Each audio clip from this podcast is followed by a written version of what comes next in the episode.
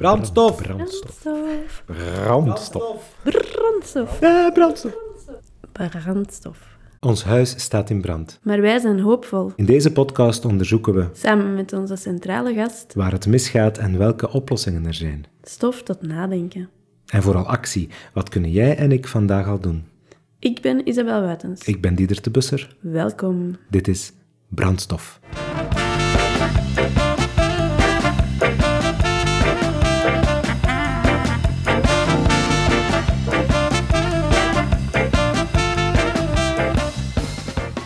Gaan we beginnen, Isabel? Ja, we gaan eraan We gaan beginnen. eraan beginnen. Het is een tijdje geleden, hè? Amai. Ja, de corona-lockdown Ja, zit daar voor iets tussen. oh, ja. Heb je gehoord, Isabel, dat tijdens de lockdown de mensen meer tijd hadden om te koken? ja, ik heb daarvan gehoord en van te bakken. Meer bakken. Meer bakken. En geldt dat voor jou ook? Nee, Nee. eigenlijk niet. Maar ik heb wel veel meer gesport. Is dat... Oké, ja. Dat heeft natuurlijk weinig te maken met het thema van vandaag, voeding. Ah, ja. We gaan het daarover hebben met onze gast voor vandaag, ehm, Joris Relaas van het ILVO. Eh, het ILVO is het Instituut voor Landbouw, Visserij en Voedingsonderzoek. Welkom, Joris. Dag Joris. Goeiedag allemaal. Ja, eigenlijk, eh, ik zeg nu welkom, maar eigenlijk zijn wij hier welkom. Hè? Eh, We zitten hier. welkom hier op Ilvo. Dank u wel. Ja, ja, ja, ja. Dank u voor eh, om ons hier onze studio te laten opzetten ook. Het ILVO, kan je kort eens zeggen? Ja, ik weet, het, het is heel ruim wat jullie doen, maar Ja. toch ga ik vragen om in een paar zinnen te zeggen wat het ILVO doet. eh, Ilvo is een onderzoeksinstelling die eh, verbonden is aan de Vlaamse overheid. Eh, wij zijn hier al heel lang actief, hier in Melle, Merelbeke. En wij doen onderzoek rond landbouw, visserij en voeding. En ja, visserij, dat betekent dat we ook nog een afdeling hebben in Oostende. Maar eh, het gros van eh, onze activiteiten gebeuren hier in Melle, Merelbeke. En wat doen wij hier? Ehm, onderzoek ehm, rond akkerbouwproducten. Eh, We hebben hier 200 hectare proefvelden. Maar we hebben ook dieren. We hebben varkens, we hebben melkkoeien, we hebben pluimvee, ehm, een 140-tal koeien.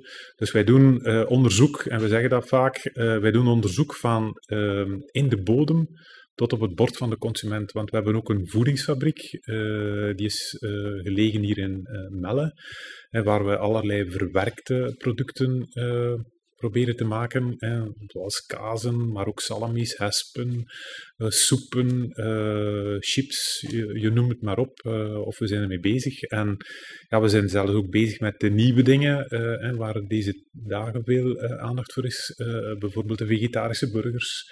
Er zijn ook dingen die hier gebeuren bij ons, maar dus wij omvatten eigenlijk een beetje de totaliteit van het voedselgebeuren, hè, van in de grond tot op het bord van de consument. Eh, maar het gros van ons onderzoek is eigenlijk wel meer toegepast. Dingen die toch op relatief korte termijn kunnen ehm, ingezet worden in de praktijk. In de praktijk dus dat we zeggen dat de Vlaamse land- en tuinbouwer en visser... eh, Ja, de Vlaamse land- en tuinbouw, maar ook de voedingsindustrie. Oké. Ja, ehm, wij, wij- doen ook heel veel onderzoek rond houdbaarheid van eh, producten. Ehm, als eh, koekjes, speculooskoekjes van een welbekend merk hier in, in, in België en ook naar China moeten, eh, ja, dan, dan zijn die, moeten die langer houdbaar zijn en dat soort van testen. En doen wij samenspraak met eh, bedrijven. Ehm, ja, dat, dat voedingsonderzoek gebeurt heel vaak samen met eh, bedrijven. Maar bedrijven die nieuwe, ja, nieuwe pannenkoekenmix of een nieuwe soep of een soep van restmateriaal, een, een heel mooi voorbeeld eh, van een, toch een klein beetje tot de verbeelding sprekend eh, product dat we ook proberen op de markt te zetten. Dat is eigenlijk het, iets doen met het groen van de prei. Want als je prei eet, oké, dus doe een stuk van het groen ook mee in de soep, maar Mhm. Die, die groene stengel is heel lang. En dat is eigenlijk voor een groot stuk afval, hè, dat, dat, dat gaat dan Ik doe dat er verloren. allemaal in. Ik dacht net te zeggen, bij ons thuis is dat ook een discussie. Hoeveel van het groen mag er in Ja, de ja, soep? ja, ja. Maar er, er gaat ook veel groen eh, verloren op het veld. En dus daar een, een, een, een nieuwe bestemming aan geven, hè, dan, dan maken wij daar eigenlijk preipoeder van. En dan zijn er ook allerlei mensen die daar allerlei experimenten mee doen, die dat ook in bakkerijproducten uh, proberen te verwerken en zo verder. Of de ja, breipoeder. De witloofkroket is ook zo'n uh, nieuw voorbeeldje van, hè, we kennen allemaal de kaaskroket, de garnaalkroket, maar um, de witloofkroket is ook weer iets wat we hier samen met een bedrijf ontwikkeld hebben. En nu daarover spreek, denk ik dan ook weer aan nog een ander eh, project dat we hier hebben. Eh, met een, een brouwerij die hier in, in de buurt eh, gelegen is in, in Melle. Degene die de, de brouwerij... olifant. Ja, dat klopt, dat klopt, dat klopt. Dus die hebben ons gevraagd, kunnen jullie geen brouwersgerst produceren, zodanig dat we eigenlijk meer lokaal um, gerst kunnen uh, gebruiken. En brouwersgerst is ja. andere gerst dan de gerst die gebruikt wordt voor de voeders van de dieren. En die moet ook anders geteeld worden. Dat heeft die eiwitsgehaltes die daarin zitten, dat moet allemaal heel juist zitten, want dat heeft dan weer te maken met het schuimen van het bier en zo verder. Dat lijkt allemaal heel eenvoudig en hè, soms denken we gerst is gerst, maar nee, dat is helemaal niet het geval. Hè. En zo kan ik nog duizend voorbeelden geven.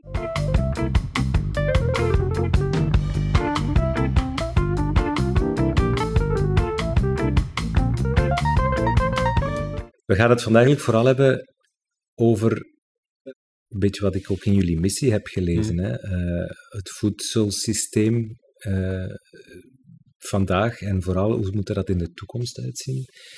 Uh, het is zo'n cijfer dat we vaak horen citeren. In 2050 zijn we met bijna 10 miljard mensen op deze aardbol. En als we die allemaal van voldoende en kwalitatief voedsel willen voorzien, dan staat de landbouw toch wel voor wat uitdagingen. En ik lees dat het ILVO dat een beetje tot zijn missie heeft gemaakt om mm. daarmee aan te bouwen, om daarmee oplossingen mm. rond te bedenken.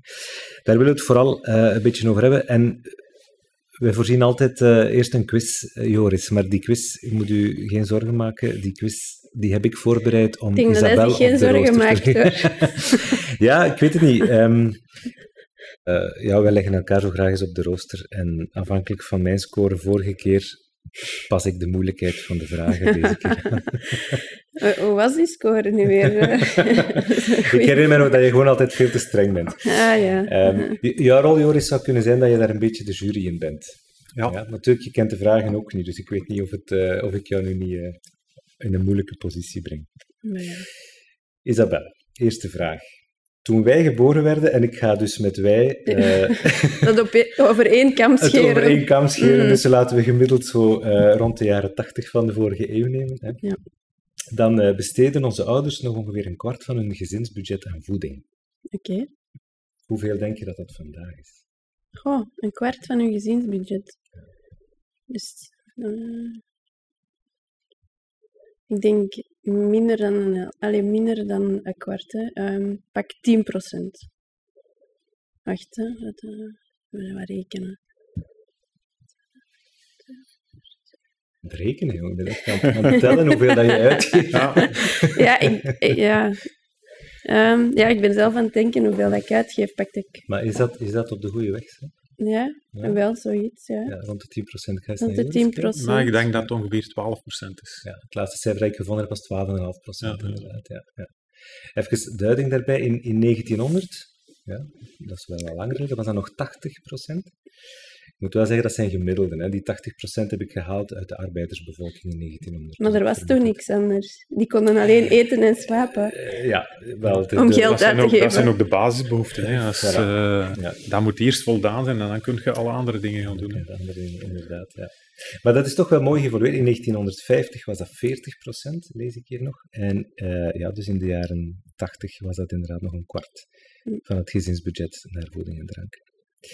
Um, hoeveel procent daarvan is... Uh, dat, is dat is niet dat echt een telt, vraag, maar, maar deze telt toch wel een mee, punt, ja, ja, dat is een punt. Dat is een punt. uh, hoeveel daarvan is vlees, denk je? Oeh. Van dat gezinsbudget. Van dat budget? Ook weer gemiddeld, hè?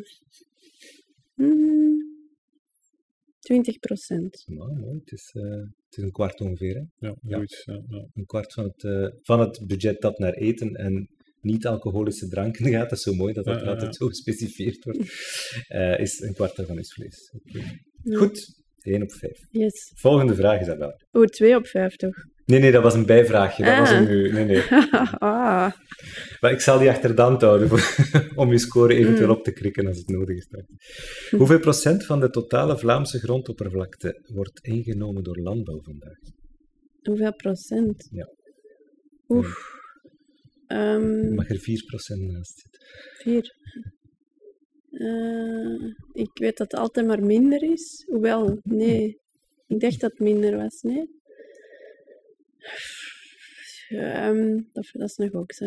Ehm 15 procent. Of nee, 30 procent. Dat is mijn antwoord. 30 is het antwoord. Ik denk iets minder dan de helft. Eh, het laatste cijfer dat ik bij Statistiek Vlaanderen vind is 46 procent. Oeh, dat is veel, Veel, hè? eigenlijk. Ik was daar ook, eigenlijk ook door verrast. Ja. Isabel dacht dat het altijd minder is.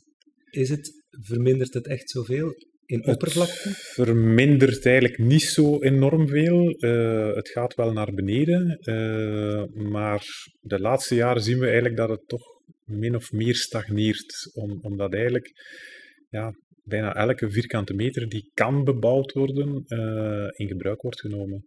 Maar er is natuurlijk wel, hè, er gaat wel grond verloren naar eh, woningbouw eh, en zo verder. Hè. Maar eh, de daling is minder sterk dan eh, vroeger. En de daling zit vooral in het aantal landbouwbedrijven, vermoed ik. De daling zit, het, het aantal landbouwbedrijven dat daalt eh, heel sterk. Ongeveer een duizendtal landbouwbedrijven per jaar die verdwijnen, maar eh, de grond verdwijnt minder eh, sterk. En ja, de bedrijven worden dan sowieso groter. Hè. Dus we hebben alsmaar grotere bedrijven, ehm, maar die zijn nog altijd relatief klein als je dat vergelijkt met landbouwbedrijven in andere landen in de wereld. Hè. Heb je daar een vergelijking, punt van vergelijking? Wat is typisch in Vlaanderen en dan bijvoorbeeld in... Ja, zelfs in Wallonië zijn de bedrijven groter. Ik, het cijfer zit nu niet echt 100% in mijn hoofd, maar ik denk dat wij iets rond de 35 hectare gemiddeld zitten, zeker. Maar dat verschilt ook heel sterk van, van land tot land. In Frankrijk, hè, veel akkerbouw, veel vrij grote bedrijven. In een aantal Oost-Europese landen eh, die, die echt onder het communistisch regime hebben eh, gefungeerd, hele grote bedrijven. Ik denk aan landen zoals Tsjechië, Hongarije. Maar dan een land hè, die zich wat, wat afzijdig gehouden heeft, toch altijd wat eh, moeilijk gedaan heeft in, in dat communistisch blok. Hè. Een land zoals Polen heeft enorm veel heel kleine bedrijven. Eh, dus het verschilt wel heel sterk van, van land tot land. Hm. En dan moeten we natuurlijk nog niet spreken over de Verenigde Staten, waar dat je Mhm. superbedrijven hebt van duizenden hectare, ja. maar men op een heel extensieve manier eigenlijk aan, en, en ook in Brazilië, eh, en waar vee op, op enorme oppervlakten eh, loopt. Dus dat verschilt heel sterk afhankelijk van de omstandigheden.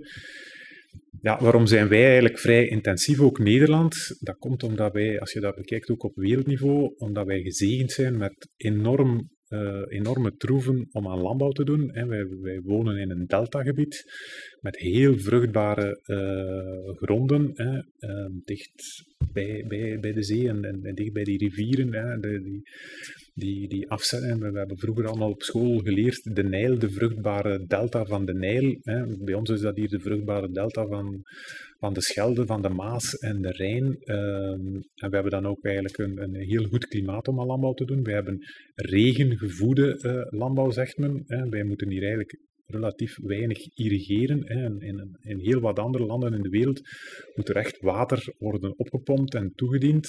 Ehm, maar we hebben hier natuurlijk ook wel al een beetje problemen met de droogte. Mhm. Hè. De, de- Ja, die, die komt hier ook natuurlijk wel op. Eh, maar toch, hè, door de band genomen, wordt onze landbouw gevoed door eh, de regen. En we hebben heel vruchtbare bodems. Dus we hebben voor heel wat producten, niet voor alle producten, hè, want tropische producten kunnen we hier natuurlijk niet produceren, maar voor heel veel producten hebben we hier een heel goed klimaat. Hè. Dat is ook de reden waarom dat, ja, wij de lage landen hè, van oudsher dankzij die landbouw eigenlijk zeer welvarende landen eh, geworden zijn als we heel ver teruggaan in de geschiedenis. Eh, dus we hebben hier wel heel wat troeven om aan landbouw eh, te doen. Onze welvaart is daar eigenlijk al een stukje op gegroeid.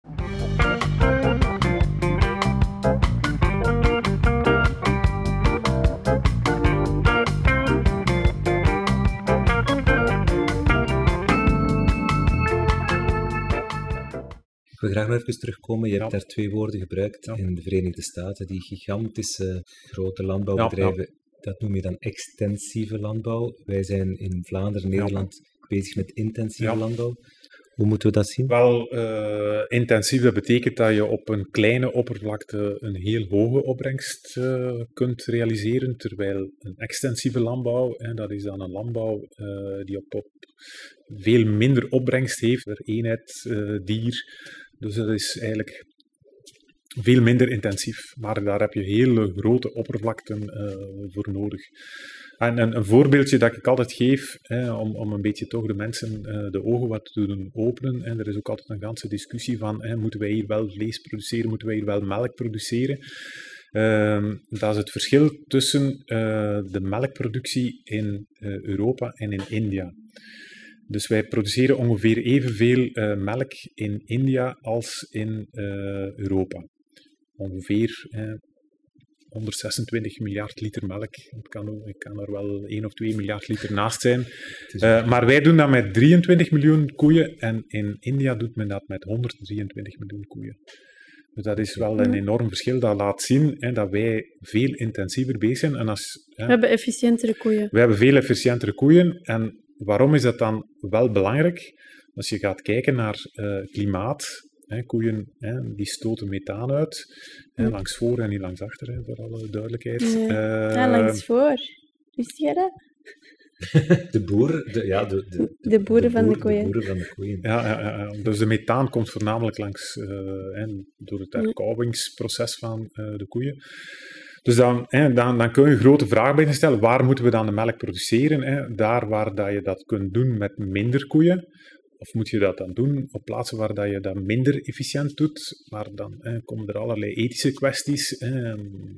Moeten we dan die melk gaan eh, exporteren naar India? Ja, dat is dan weer een andere vraag. Dus, en dat zie je ook altijd hè, als het over landbouw en voeding gaat. Er zijn ook altijd heel veel ethische discussies en ethische kwesties mee gemoeid. Dat, dat geldt niet voor veel andere economische processen. Andere economische processen die heb je ook veel beter onder controle in een fabriek. ehm, en dan, dan kun je wat aan de Maar dat is omdat er dieren bij komen. dat is omdat er ja, dieren, maar niet alleen dieren, maar ook planten. Hè.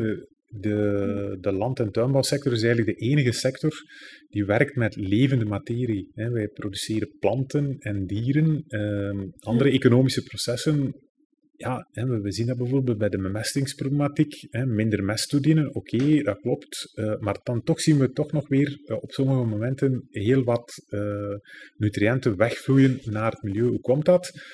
Omdat daar ook die bodem nog tussen zit. En die bodem, dat is eigenlijk ook een levend organisme, die zit vol met eh, ja, micro-organismen, microben, schimmels en zo verder. Eh, en hoe dat het dan precies werkt. eh, en ja, houdt hij dat Mhm. soms tegen of, of houdt hij dat niet tegen? Ja, dat zijn allemaal dingen die nog volop ehm, in studie zitten. Dat is veel minder te controleren. Je hebt dan ook nog het klimaat, hè, dat we niet in de hand hebben. Regent het, dan is het weer te droog.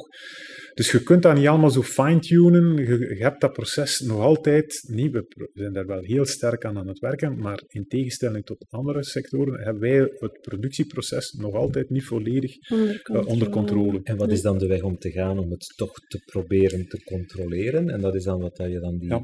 Precisielandbouw noemt? Ja. Of moeten we zeggen, nee, we laten die controle los en we gaan terug meer in, samen, in harmonie met de Ja, natuur dat is de klassieke vraag die gesteld wordt, maar ik, eh, mijn antwoord daar is op, je hebt beide nodig. Ehm, en we, we moeten ook mee die natuur laten zijn werk doen, maar we moeten ook proberen te begrijpen hoe dat die natuur werkt. eh, en soms die natuur een klein beetje een, een, een handjes toesteken. Hè. Dat geldt ook voor onze gezondheid.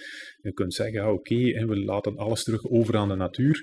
Maar als we dan ziek worden, ja, ik denk niet dat er iemand eh, ja, dat risico dan echt wil lopen van ik laat het hier allemaal maar betijen en ik krijg hier Mm. echt een, een heel erge ziekte en, en ja, dan ben ik maar een vogel voor de kat. Dat doet ook niemand. Ik denk, Mm. maar hè, ook in onze gezondheid hè, willen we ook toch wel meer eh, aandacht hebben voor hè, het, de omgeving, de natuur. Die laten we ook zijn werk doen, maar proberen goed te begrijpen wat er aan de hand is. En als het echt moet, ehm, toch eh, ingrijpen. Hè. En, en, en dat kunnen we, als we het beter begrijpen, kunnen we beter ingrijpen. Maar we moeten dat op een doordachte manier doen.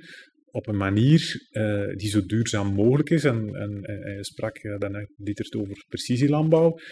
Ja, daar zijn we heel sterk mee bezig. Wat is dat precisielandbouw? Dat is eigenlijk, hè, bijvoorbeeld, om, om u daar een voorbeeld van te geven, in de plantaardige sector, een, een, een veld met uh, gerst weer, onze brouwersgerst.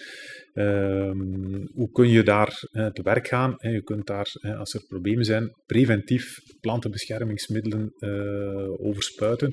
Of je kunt... Ik ga jou nu even, even onderbreken, want ik vrees dat je anders een antwoord op een quizvraag hebt. ah, ja, dan... Ik vind dat niet erg hoor. Jawel, ik ga dus even de volgende vraag naar voren trekken. Ja. Ik ga een geluidsfragment laten horen. Ah, ja. ja, ik zie het niet hoor. Nee, nee, ja, maar ja. Nee. um, het is, je hoort nu een geluid waar de landbouwer, uh, menig landbouwer vandaag zijn of haar hartje toch wel wat sneller van gaat slaan.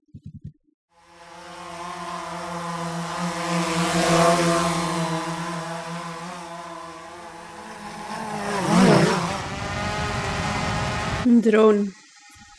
Wauw, ja. Is het juist? Het is juist. Ik had gehoopt dat je aan een of andere vieze kever ging Ja, ik dacht ook al. Eerst dacht ik een wesp, maar dat klinkt niet technologisch genoeg.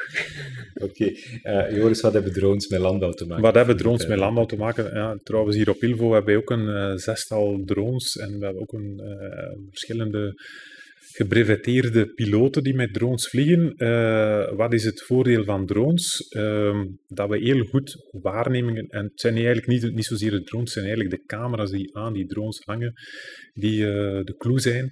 want die kunnen heel goed detecteren wat er aan de hand is op een veld. Anders moest je door zo'n veld lopen en, en, en, een plantje vastnemen en kijken wat is er aan de hand. Is er een ziekte of zit daar een insect op die we niet willen? Mm. Uh, nu kunnen we met drones uh, heel goed alles in beeld brengen en mm. dan komen we, uh, de volgende stap is dan precisielandbouw. Kunnen we echt gaan detecteren hè, waar hebben we in ons veld een probleem. En als we nog eens moeten plantenbeschermingsmiddelen inzetten, dan gaan we dat alleen maar doen op die plaatsen waar er zich een probleem voordoet. Terwijl dat we vroeger heel preventief uh, overal zouden spuiten, gaan we dat nu nog maar uh, op heel wel specifieke plaatsen doen. En ik zeg soms, uh, hè, wat is de toekomst? Nu doen we dat nu nog pleksgewijs, daar wel, daar niet, dan weer wel, dan weer niet. in de toekomst gaan we dat, denk ik, het klinkt nog futuristisch, plant per plant kunnen doen. Dus alleen maar uh, die plant gaan uh, besproeien hè, en, en dan gaan die, die, die spuitdoppen permanent aan, af, aan, af, aan, af, aan, af. Uh, daar is nog toekomstmuziek, maar ja, hè, binnen 10, binnen 20 jaar, uh, we zullen zien waar we komen. En wat ook heel belangrijk is, dat doen we nu ook nog te weinig, dat is dat we die plant eten en drinken gaan geven in functie van zijn behoeften. Hè, wat doen we nu? Een aardappelveld. Aardappelen hebben heel wat water nodig. We weten, hè, willen van de droogte uh, opletten. Hè, we hebben geen water in overvloed. We moeten daar zuinig mee omspringen. Um, en nu denken we, ja, al die aardappelplanten hebben evenveel water nodig. Maar je kunt eigenlijk al van in het begin zien of dat een aardappelplant maximaal zal groeien. En maximaal is negen stengels kunt dat eigenlijk al vrij snel zien. Als je ziet, ah, dat is een aardappelplant die gaat maar drie stengels krijgen, uh, ja, dan moet je daar ook geen water en meststoffen aan uh, toedienen, alsof dat die negen stengels ja, gaat krijgen. Je gaat veel gerichter. Dus uh, we gaan ook die inzichten, dat klinkt eenvoudig, maar je hebt daar heel veel data voor nodig. Je moet dat ook dan, hè, want de landbouwer kan niet elke plant een keer individueel gaan bekijken, maar met drones kan dat heel snel gaan. Mm. Dus, maar dat is ook allemaal nog in ontwikkeling en in, in onderzoek. Hè. Uh, Maar wij passen dat hier wel al toe op onze velden. En er zijn ook een aantal landbouwers die dat ook al doen. Maar het, hè, het is nog niet een, een, een algemeen toegepast uh, iets. Uh, maar op termijn zal dat wel wellicht wel worden. Wat de landbouwer, wat is nu al courant wordt gebruikt, dat is dat de landbouwers pleksgewijs uh, plantenbeschermingsmiddelen en nutriënten gaan toedienen. En dat ze eigenlijk op basis van GPS-sturing, en dan is dan echt GPS, niet de GPS zoals we die gebruiken in, in onze wagen, hè, want die is vrij nauwkeurig. Hè, onze GPS in de wagen, hè, we zullen dat ook wel al Mhm. gezien hebben, als je een verkeer een afrit neemt, dat duurt eventjes. Daar zit nog wel een speling op van enkele meters. Hè. Als Ja. we drie meter of vier meter verkeer zijn, Ja, maar eh, wij, eh, dat is dan een systeem dat, we, dat ook door de Vlaamse overheid eigenlijk ja, eh, ook een stukje ondersteund wordt, hè, Ja. want het is ook met speciale satellieten.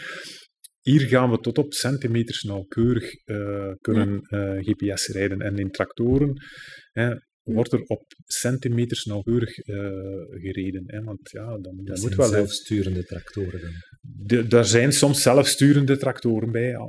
Daar wordt ook eh, volop mee geëxperimenteerd. Ja. Maar vaak zit er nog wel een, eh, een landbouwer in de cabine. Hè, want landbouwers doen dat over het algemeen heel graag om met, eh, met tractoren te rijden. Ik plantte een keer patatten, patatten, patatten. Ik plantte een keer patatten in mijn grond. Waar komt er uit gekropen, gekropen, gekropen? Waar komt er uit gekropen uit mijn grond? Ik wou het net vragen, is de landbouwer in 2050 een IT'er? Zit hij achter zijn laptop? Of- Die zou, het- ik denk dat alle landbouwers al achter een laptop eh, zitten. eh, en en landbouwers, de landbouwer van vandaag is iemand die van alle wanten eh, moet thuis eh, zijn. Dat is eigenlijk ook een beetje het specifieke van landbouwbedrijven. Landbouwbedrijven zijn nog eh, over het algemeen familiale bedrijven. eh zijn wel heel grote bedrijven geworden met heel veel kapitaal. Maar ja, in de rest van de economie zie je alles doorgroeien naar super mastodontbedrijven. Dat zie je in de landbouw niet. Landbouw blijft altijd, ook al worden ze groter en groter, nog altijd bedrijven die door één of twee of drie gezinnen gezamenlijk worden eh, beheerd. En hoe komt dat? Ook hier weer omdat het gaat om levend materiaal. Je hebt toch altijd die controle nodig, dat oog van de meester. We hebben een periode gehad in de communistische tijd, de, de kolgozen en de sofgozen, hebben jullie waarschijnlijk nog wel van gehoord in de middelbare school, waar, dat je eigenlijk staatsboerderijen had, en met heel veel eh, dieren, maar dat is allemaal niet gelukt, om, omdat je, ja, er is een, een, ergens een, een maximummaat van, van een landbouwbedrijf, dat schuift wel op. Die bedrijven worden groter, maar hè, Het moet overzichtelijk het blijven. moet overzichtelijk blijven. En, en, en ja, het, het oog van de meester eh, is daar toch nog altijd wel... eh, Maar een drone zou daarmee kunnen helpen, want dan moet je alleen Drones eh, kunnen helpen. En, en ja, we moeten ook onze landbouwers helpen, dat, dat zij Mm. ja, ook niet... hè, voor iedereen, hè, dat superzware handwerk en zo verder, hè, dat wordt hen wel wat eh, ontnomen. Ehm, Mm. Maar hè, er zijn ook mensen, en dat zie je ook vandaag de dag, eh, hè, dat er eh, ook nieuwe vormen van landbouw zijn, ehm, hè, op, op kleinere schaal. Dan zie je vaak mensen in het beroep treden die van buiten de landbouw komen. Ehm, en die het op kleinere schaal willen doen. Maar ook daar proberen wij wat eh, technologie in te brengen. En dat zijn dan bijvoorbeeld heel kleine robots. Hè, en, eh, om, om onkruid te, te wieden. Hè, staan nog niet 100% volledig op punt. eh, maar ook daar eh, is toch wel wat hulp nodig, denk ik.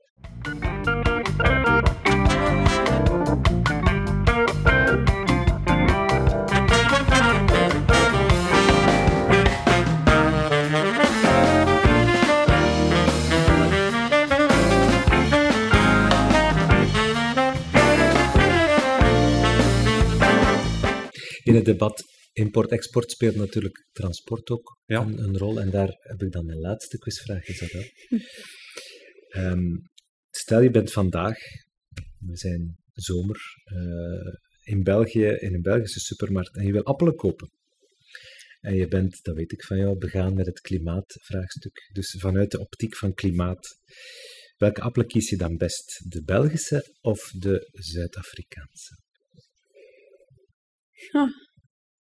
Ik zou denken de Belgische, maar waarschijnlijk ja, omdat die minder transport, allee, omdat die minder weg moeten afleggen om hier te geraken. Nu natuurlijk, als die Belgische appelen veel support nodig hebben voor te groeien, maar ik zeg toch de Belgische. Als je puur het energieverbruik wil gaan bekijken, dan is er blijkbaar nog weinig verschil tussen een appel, een Belgische appel die van het vorige seizoen gekoeld is gebleven tot nu deze zomer, hè, want er zijn op dit moment nog geen appelen te oogsten, Ja. of een uh, appel die uit Zuid-Afrika komt en 22.000 kilometer per schip heeft afgelegd. Dus puur op vlak van klimaat, maar dat, ja. daarom dat ik dat nog eens benadruk, hè, als dat de parameter is, ja. zou er weinig verschil zijn. Maar als je in de herfst een appel eet en je eet een van België, dan uh, zit je wel Als die pas, pas van de Belgische appelboom geoogst is, dan uh, zou ik die ook aanraden. En, want ik ben er wel eens naar benieuwd, hoe lang kun je dan zo'n appel bewaren? Als ik nu een appel eet, komt die, ja, is in die oktober kunt je, jaar, Die kunt je eigenlijk wel perfect een jaar bewaren. Minder? Is dat minder. Allee. Ja. Ja, ja, ja, Maar we kunnen die ook diepvriezen, dan kun je die nog veel langer bewaren. Hè. Of in conserven stoppen, dan nog veel langer. Ja, oké, maar dan weet je van, die appel is niet juist van een boom gekomen. Nee, maar als je nu een appel koopt, dan, is die, dan kan het goed zijn dat die al een jaar geleden geplukt is. Maar je gaat dat normaal niet proeven.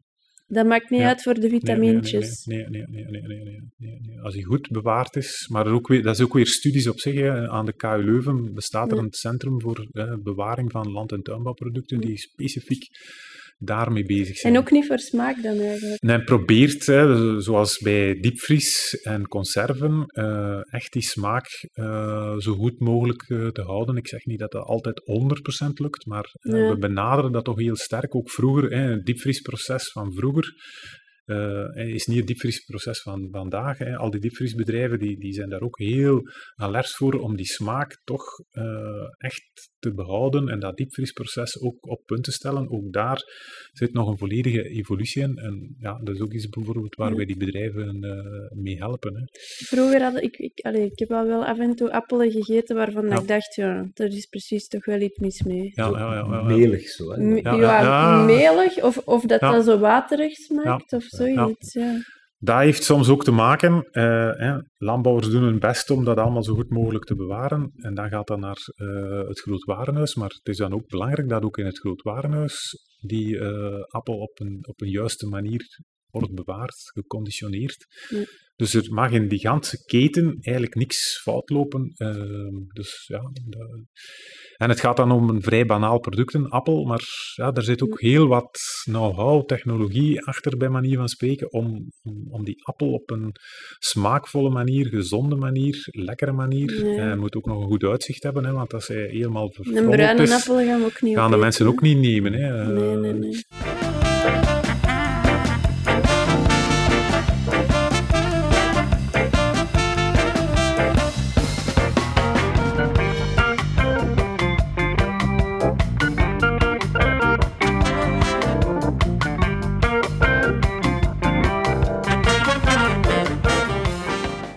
Had het daarnet al even aangehaald, hè, de Verenigde Naties, die hebben zo de, vroeger waren dat de millenniumdoelstellingen, ja. nu zijn dat de, uh, ont, de duurzame ontwikkelingsdoelstellingen, ja, ja. de Sustainable Development Goals, SDG's. Um, ze willen in 2030 de honger volledig de wereld uitgeholpen hebben. Um, Wanneer? 2030? 2030, dat is eigenlijk morgen, hè, uh, als je het zo bekijkt. Ik denk dat we goed bezig waren, want decennia lang is de honger of, of de, de ondervoeding in de wereld afgenomen. Ik las in 2019 dat we voor het derde jaar op rij wereldwijd terug een stijging hebben van de chronische ondervoeding.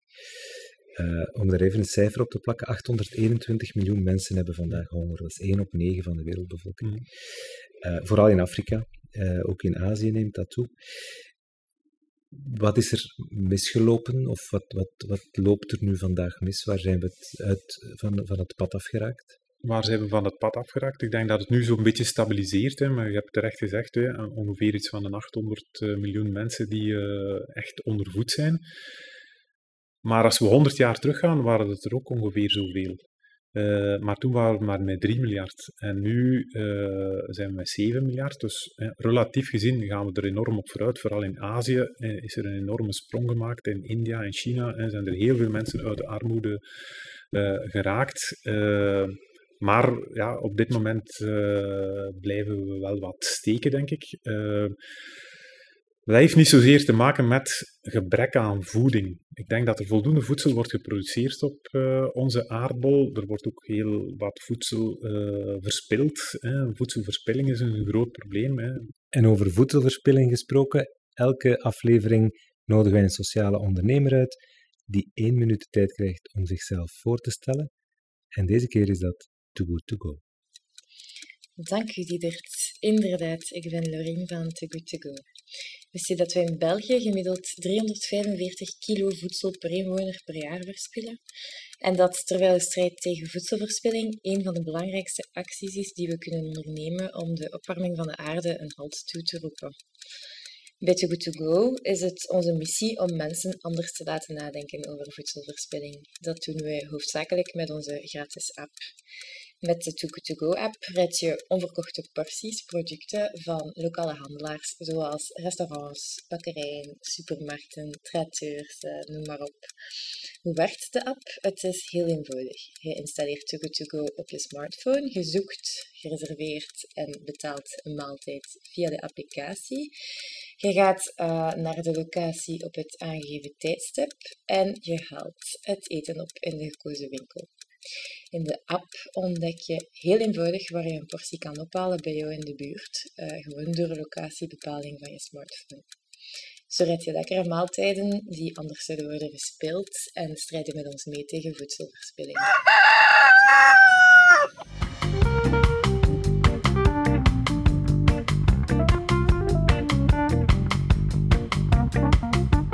Klopt het dat we vandaag ongeveer anderhalf keer produceren wat de wereldbevolking zou nodig hebben aan voeding? Uh, dat zou wel kunnen, want het is ongeveer 30, 40 procent van onze voedsel uh, die we eigenlijk verspillen. Mochten we niks aan verspilling hebben, maar het is ook een, een, een illusie te denken, denk ik, dat je niks alles onder spin, on, anders 100% kunt opeten. Dat, dat gaat ook niet. Uh, maar ja, het, het, voedseltekortprobleem het arm, is eigenlijk een armoedeprobleem. Hè. We zien dat nu bijvoorbeeld in coronatijden. Hè, uh, zijn we daar ook mee geconfronteerd, bijvoorbeeld in de Verenigde Staten, ook een klein beetje in België. In de Verenigde Staten zijn er heel veel mensen, toch een heel rijk land, maar er zijn heel veel mensen die moeten beroep doen op voedselbonnen. Men vindt het een groot probleem dat de scholen gesloten zijn, want de kinderen kregen eigenlijk gratis maaltijden op scholen. Hè. Heel veel kinderen van sociaal armere klassen.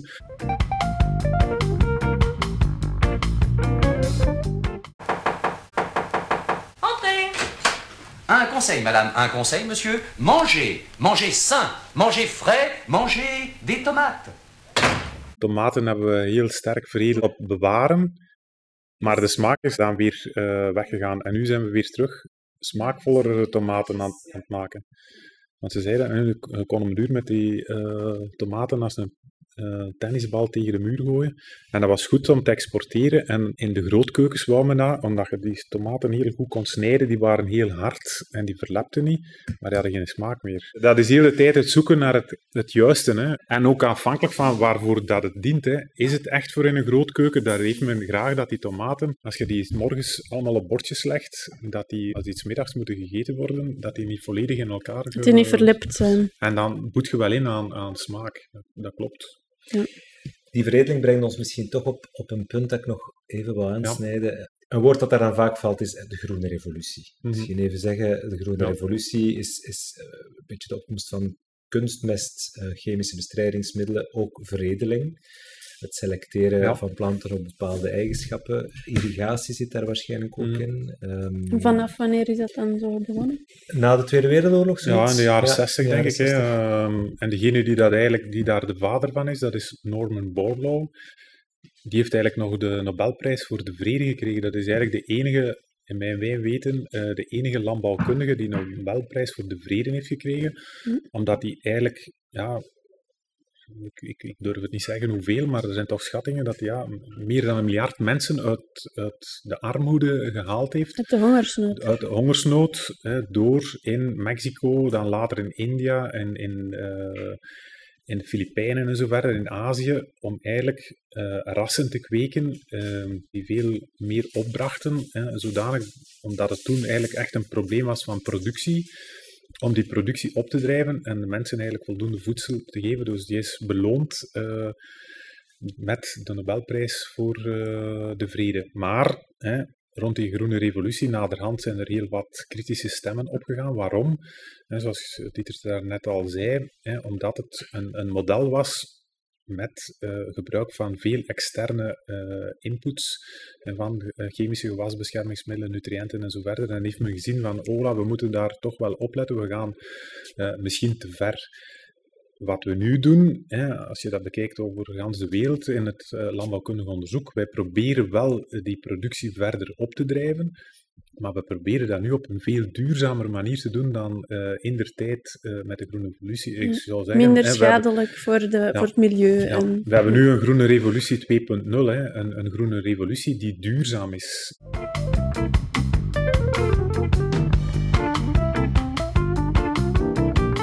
Er is er onlangs, onlangs, een tijdje geleden toch al eens een studie rond geweest en, uh, ja, over hoe denkt de consument over duurzame landbouwproducten. En, en dan merken we dat 15% van de mensen daar helemaal niet wakker van ligt. Dat 85% van de mensen dat wel belangrijk vindt, hè, duurzame producten. Maar als we dan wat dieper graven, hè, dan komen we tot de vaststelling, uh, dat maar 20% van de mensen die zeggen we vinden het belangrijk, hè, van die 85%, 20 van die 85% die zeggen we willen er tijd, geld en moeite in steken. En 65% van de mensen bewijst enkel lippendienst. Die zeggen, ja, we vinden dat wel belangrijk, maar we willen er niet meer voor betalen. niet echt naar. Maar ik vraag me dan als consument af, ja, waarom zou het meer tijd, moeite, geld moeten kosten om een duurzaam product te kopen ten opzichte van een niet duurzaam product? Bijvoorbeeld, ik denk dan aan, aan bioproducten. Eh, zijn, ja. zijn, bioproducten zijn gemiddeld duurder dan, dan niet-bio. Ja. Waar ligt dat aan?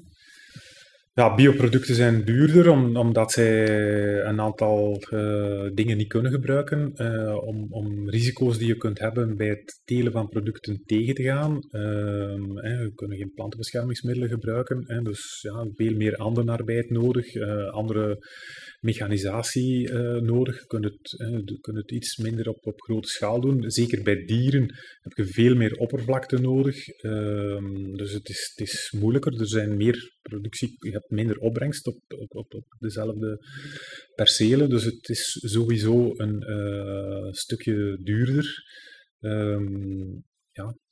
En zeg je dan ook dat bijvoorbeeld bio, de, de, de omschakeling van ons hele landbouwsysteem ja. naar een biologisch systeem uh, gewoon utopisch is? Uh... Dat is niet utopisch in die zin dat eigenlijk de, hè, wat men dan de conventionele landbouw noemt, dat die eigenlijk aan het opschuiven is richting uh, bio. En eigenlijk is bio ook een lastenboek. Hè. We hebben afgesproken, bio begint hier en eindigt daar.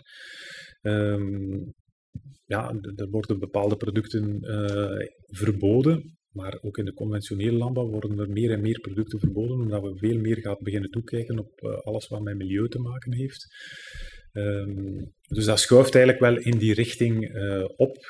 Um, ja, en bioproducten, ja, die proberen, hè, als er meer is, ja, dan, dan gaat die prijs ook wel een beetje naar beneden, denk ik. Hè. Dus ja, ons economisch model zit zo in elkaar dat schaarste, uh, dat dat uh, moet betaald worden. Hè. Mm -hmm. dus dat heeft een, een, een, zekere meerkost, ja, dat klopt.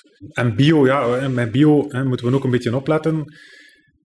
Mensen kopen bio vooral vanuit overtuiging, bio is gezonder. Maar bio is niet noodzakelijk gezonder. Een conventioneel product dat op, een, op, een, op de juiste manier wordt uh, geproduceerd, met alle veiligheidsmarges in acht uh, genomen, dat is even gezond. Maar wat wel zo is, hè, dat, dat biolandbouw naar milieu toe een aantal voor, eh, voordelen heeft en ook zeker naar biodiversiteit een aantal voordelen heeft. Een van de manieren om de consument ook een beetje te laten wakker liggen van eh, dat milieugegeven, uh, ja. hoor je ook wel vaak in meer die korte keteninitiatief. Ja. De, de slogan van voedselteams ja. uh, is lang geweest, weet wat je eet. Kun je nog eens uitleggen wat dat korte keten is? Wat korte keten is, Isabel? Is korte keten uh, is, is eigenlijk wat het zegt, is dat je uh, voeding, voedingsmiddelen, producten uh, koopt die kort bij huis geteeld zijn, gekweekt zijn. Ja, zeg je dat juist? Dat? Ja, ja, waar je eigenlijk de, de, de, de transport, het transport vooral beperkt en eigenlijk ook wel een aantal schakels tussen consument en producent uitschakelt. Want daar ik eigenlijk ook ja. toe komen, dat is ook een beetje een visie van veel van die korte keteninitiatieven, is dat ze ook willen dat de consument terug korter bij die boer komt te staan en ook meer begaan is met wat die boer eigenlijk allemaal voor inspanningen doet om dat product tot op zijn bord te brengen. En dichter bij de seizoenen misschien ook, dat wat, wat beschikbaar is op die moment. Dat we weten wat beschikbaar is, uh, wat de boer er allemaal heeft voor gedaan uh, om dat te doen, dat er ook echt, echt ergens een... Zo plukboerderijen is ook in die... Uh... Plukboerderijen zitten daarin, hè, de, de CSA. CSA staat dan voor, en nu ben ik zelf... Community Supported Agriculture. Nee. Ja, ja, dus plukboerderij.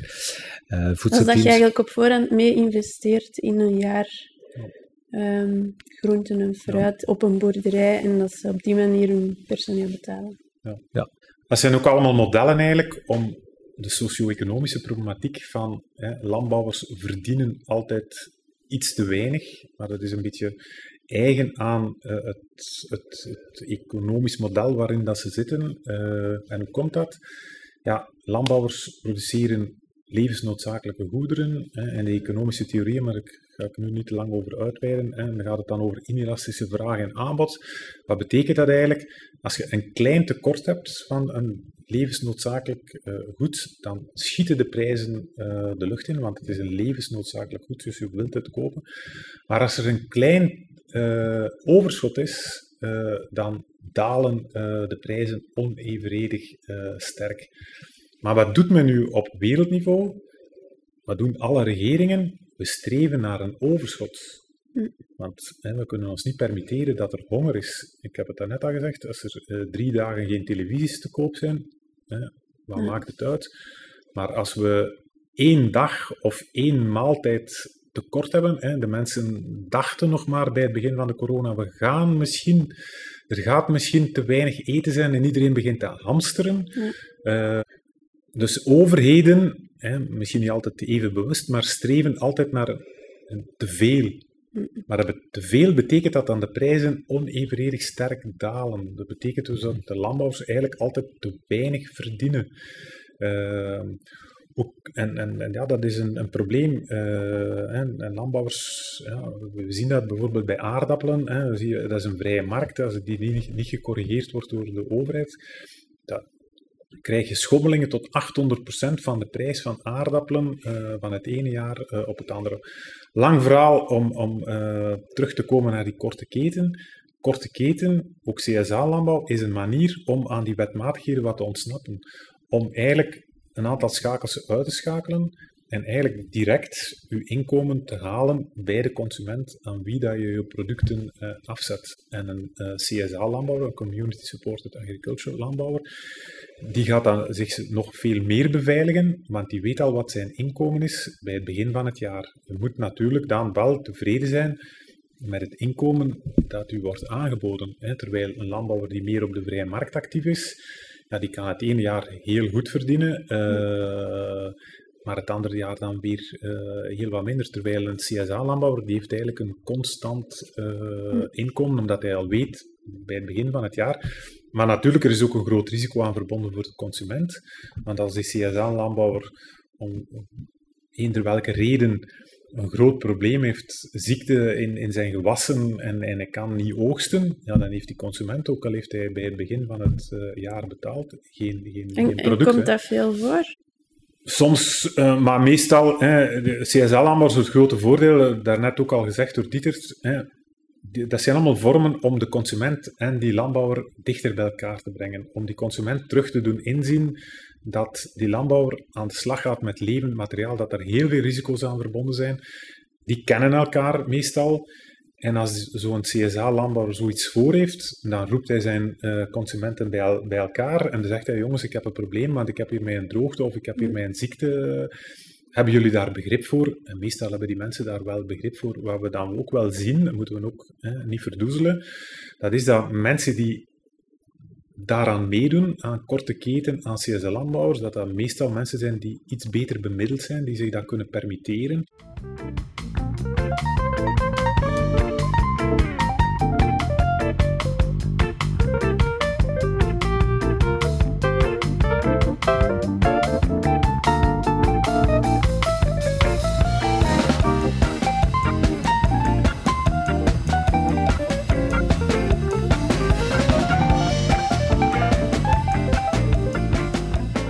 Maar ik vind ook hier weer, we moeten dat ook allemaal niet te zwart-wit zien. Dat is mijn houding daar, daaromtrent. Um, we gaan met z'n allen, zijn we permanent aan het zoeken, experimenteren. En wat is nu de stap die we kunnen zetten om duurzamer uh, bezig te zijn. En mij maakt dat niet uit of dat een korte keten is of we zitten meer in de conventionele landbouw. Als we maar stappen vooruit zetten en dat we ons niet laten verlammen door een gepolariseerd debat van we zijn soms te gepolariseerd bezig en, te zeggen, dit is het ultieme landbouwmodel, dit is het ultieme hmm. landbouwmodel. Ik had daar wel een vraag over, um, want ik had zo gelezen dat jullie ook aan systeemdenken doen en dat ik denk dat dat daar zo op aansluit. Ja. Wel, systeemdenken is eigenlijk alle facetten bekijken. Als wij met een nieuw onderzoeksproject beginnen, dan doen wij eerst een systeemdenkoefening. En dat betekent dat we gaan bekijken, wat heeft hier nu allemaal mee te maken? Wat zijn alle parameters? En we lijsten dat, dat op in heel grote diagrammen, hè, waar dan ja, honderden pijltjes op staan van dat heeft een invloed op dat en dat heeft een invloed op dat. Eigenlijk ook die interactie tussen alles en nog wat bekijken. Uh, onze mm. mensen die met planten bezig zijn, met dieren bezig zijn, met voeding, die komen allemaal samen. En mm. dat is dat systeemdenken, die systeemoefening.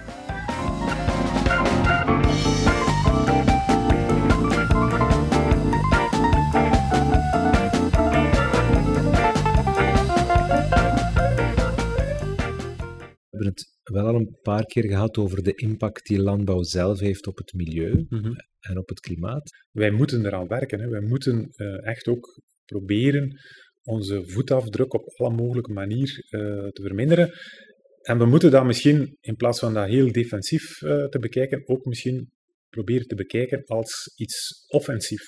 En vandaar dat ik eigenlijk heel blij ben met de offensieve manier waarop Europa op dit moment eigenlijk naar landbouw kijkt met zijn nieuw Farm-to-Fork-programma, eh, daar zegt Europa, wij willen de standaard worden op het vlak van duurzaamheid op wereldniveau.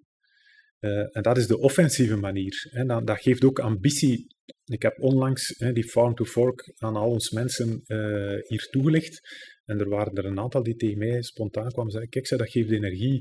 Als we op een offensieve manier, niet de hele tijd defensief, maar op een offensieve manier gaan proberen te werken aan een verhoging van onze duurzaamheidsstandaard. En dan zullen wij dat uitdragen. Hè. Wij zijn degene die op een de meest duurzame manier, de meest duurzame manier, en nog een keer duurzaamheid, hè, dat, dat evolueert in de tijd. En wat we vandaag duurzaam vinden, dat zullen we uh, binnen 20 jaar waarschijnlijk al onvoldoende vinden. Dat is een voortschrijdend uh, inzicht, maar laat ons daar die ambitie hebben en dat geeft energie Bedankt onze gast nog uh, voor vandaag, Joris Relaas, administrateur-generaal van het ILVO.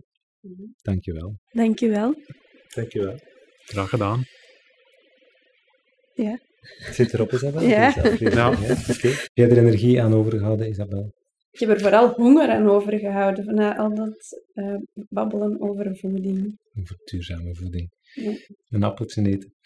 Een appeltje, ja. Ik ga nu ook kijken naar appels.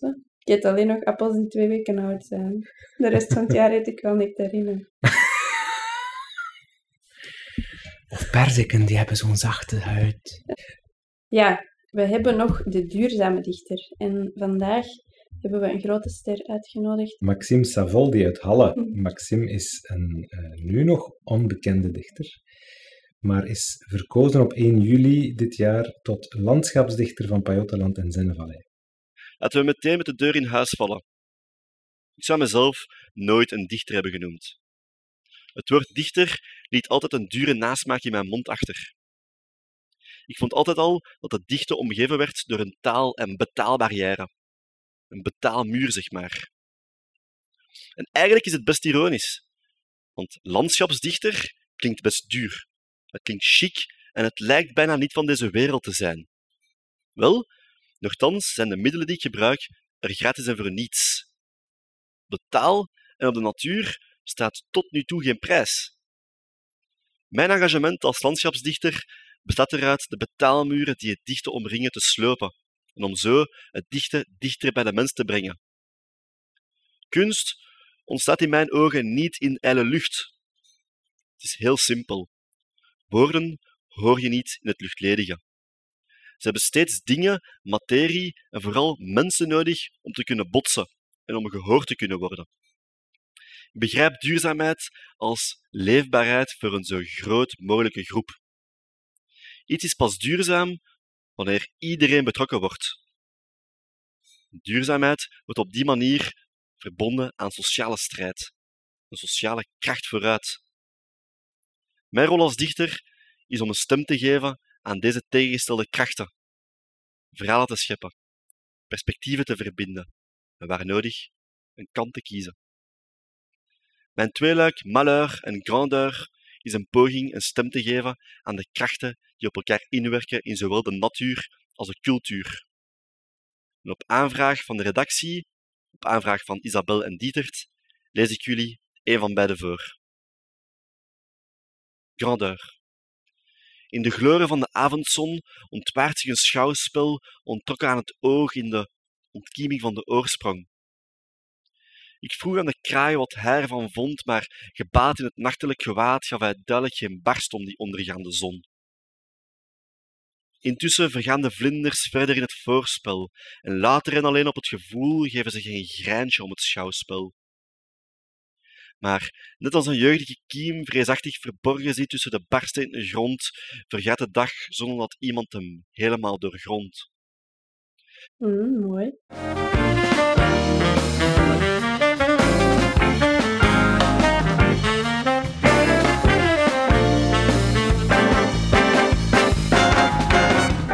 Dit was Brandstof.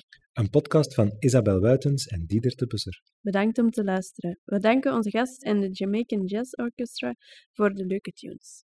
Geef deze podcast je stof tot nadenken, abonneer je en krijg automatisch een melding als de nieuwe brandstof beschikbaar is. Op onze website www.podcastkoppeltekenbrandstof.be Daar vind je hoe je kan bijdragen aan deze podcast. En we zijn natuurlijk ook heel benieuwd wat jullie als luisteraar van deze aflevering denken, dus laat zeker een review na op je favoriete podcastkanaal. Tot de volgende. Doedeloe.